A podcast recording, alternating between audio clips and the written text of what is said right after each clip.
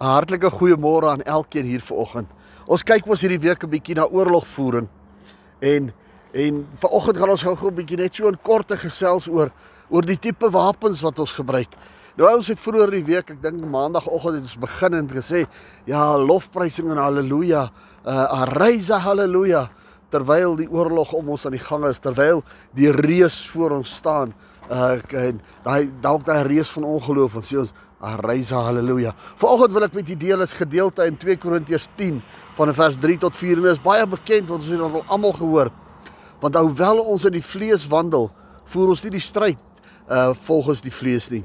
Want die wapens van ons stryd is nie vleeslik nie, maar kragtig deur God om vestings neer te werp.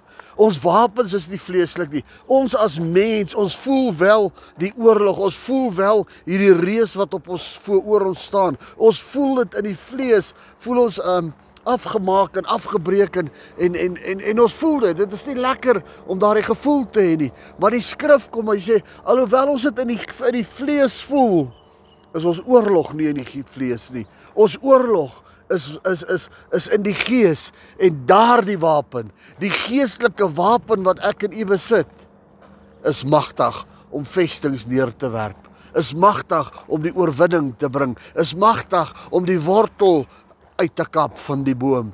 Daardie wapens is magtig en u en u die ding is daar is want hulle is in God. My boetie en my sussie, ek en jy sal eers moet besef dat ons autoriteit is in God ons autoriteit. Ons ons kan kragtige wapens hê wat atoombomme maak. Dit dit dis 'n menslike, dis 'n vleeslike ding. Maar as die atoombom klaar geblaas het of geskiet het en ontplof het, dan sit ons nog steeds op dieselfde plek. Dan sit ek en jy net 'n entjie verder weg, maar ons sit nog steeds by dieselfde geestelike situasie. Maar nou kom die skrif en hy sê, maar as jy 'n magtige een, nie 'n kragtige een nie, 'n magtige wapen en 'n magtige wapen is die autoriteit in Christus. Ek en u moet by 'n plek kom waar ons ons eie autoriteit, die die mens se autoriteit in Christus kan verstaan. Want nou kom die skrif verder deur Jesus Christus en, en daar in Lukas en hy sê en ek sal vir julle die mag gee, die autoriteit. Ek sal vir julle die mag gee om op skorpioene en op slange te trap. Ek sal julle autoriteit gee om die vyand te verslaan. Maar ons moet eers op die plek kom waar ons weet wie ek en u in Christus is. Jy sien want Jesus Christus het vir ons gesê gaan genees.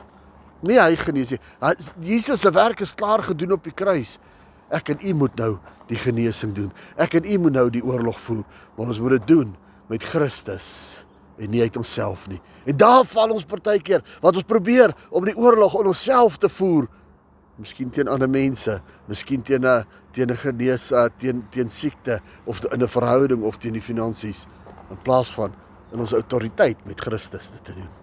Seën u vandag terwyl u u autoriteit in Christus Jesus ontdek in Jesus naam.